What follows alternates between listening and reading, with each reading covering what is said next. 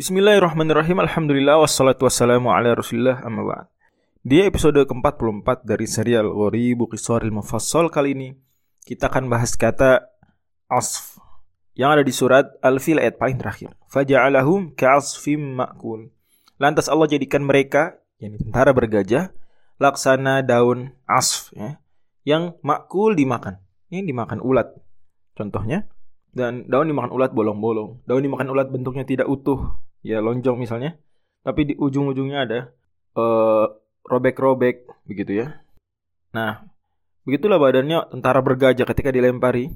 Batu panas oleh burung-burung bolong-bolong badan mereka tembus. Tis tis gitu. Anda bayangkan saja seperti anda tahu membolong kertas nah begitu. Ada kertas dibolong-bolongin nah begitu. Daun dimakan ulat pun begitu. Pun bahkan gajah-gajah mereka juga begitu. Semoga Allah jaga kita. Nah Asf di sini artinya daun, tapi punya arti lain ya. Asf artinya kulit. Allah firmankan di surat Ar-Rahman ayat 12, "Wal habbu dzul asfi war raihan." Dan biji-bijian hab dzul asf yang memiliki kulit tipis, war raihan dan bunga yang harum wanginya. Nah, asf ini memang masdar asalnya. Dari kata kerja asafa ya'sifu asfan. Yang artinya menjadi cepat dan ringan.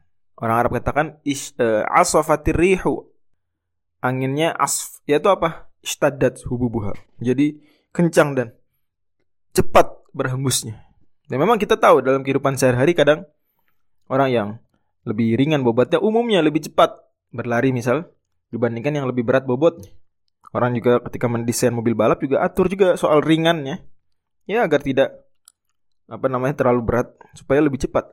Nah, di dalam Al-Quran, angin yang cepat tadi, dengan kata kerja asofatirihu, digunakan dengan beragam variasi. Allah firmankan surat Al-Mursalat misalnya, fal asifati asfa. Asifat. Asfa. Demi angin yang, dan juga demi angin yang bertiup kencang, sangat kencang. Atau misalnya surat Ibrahim, fi yaumin asif. Surat Al-Anbiya, wali Sulaiman riha asifatan. Dan memang makna istiqoki dari ain, sot, dan fa kata Imam Ibnu Faris adalah ringan yang cepat. Sesuatu yang ringan dan cepat. Tadi. Oke, hubungannya apa dengan daun, dengan kulit tadi di awal? Hubungannya karena daun dan kulit adalah bagian yang paling ringan. Daun paling ringan di pohon, paling tipis, paling enteng, dan kulit paling ringan, paling enteng di buah atau di biji tadi. Wallahu a'lam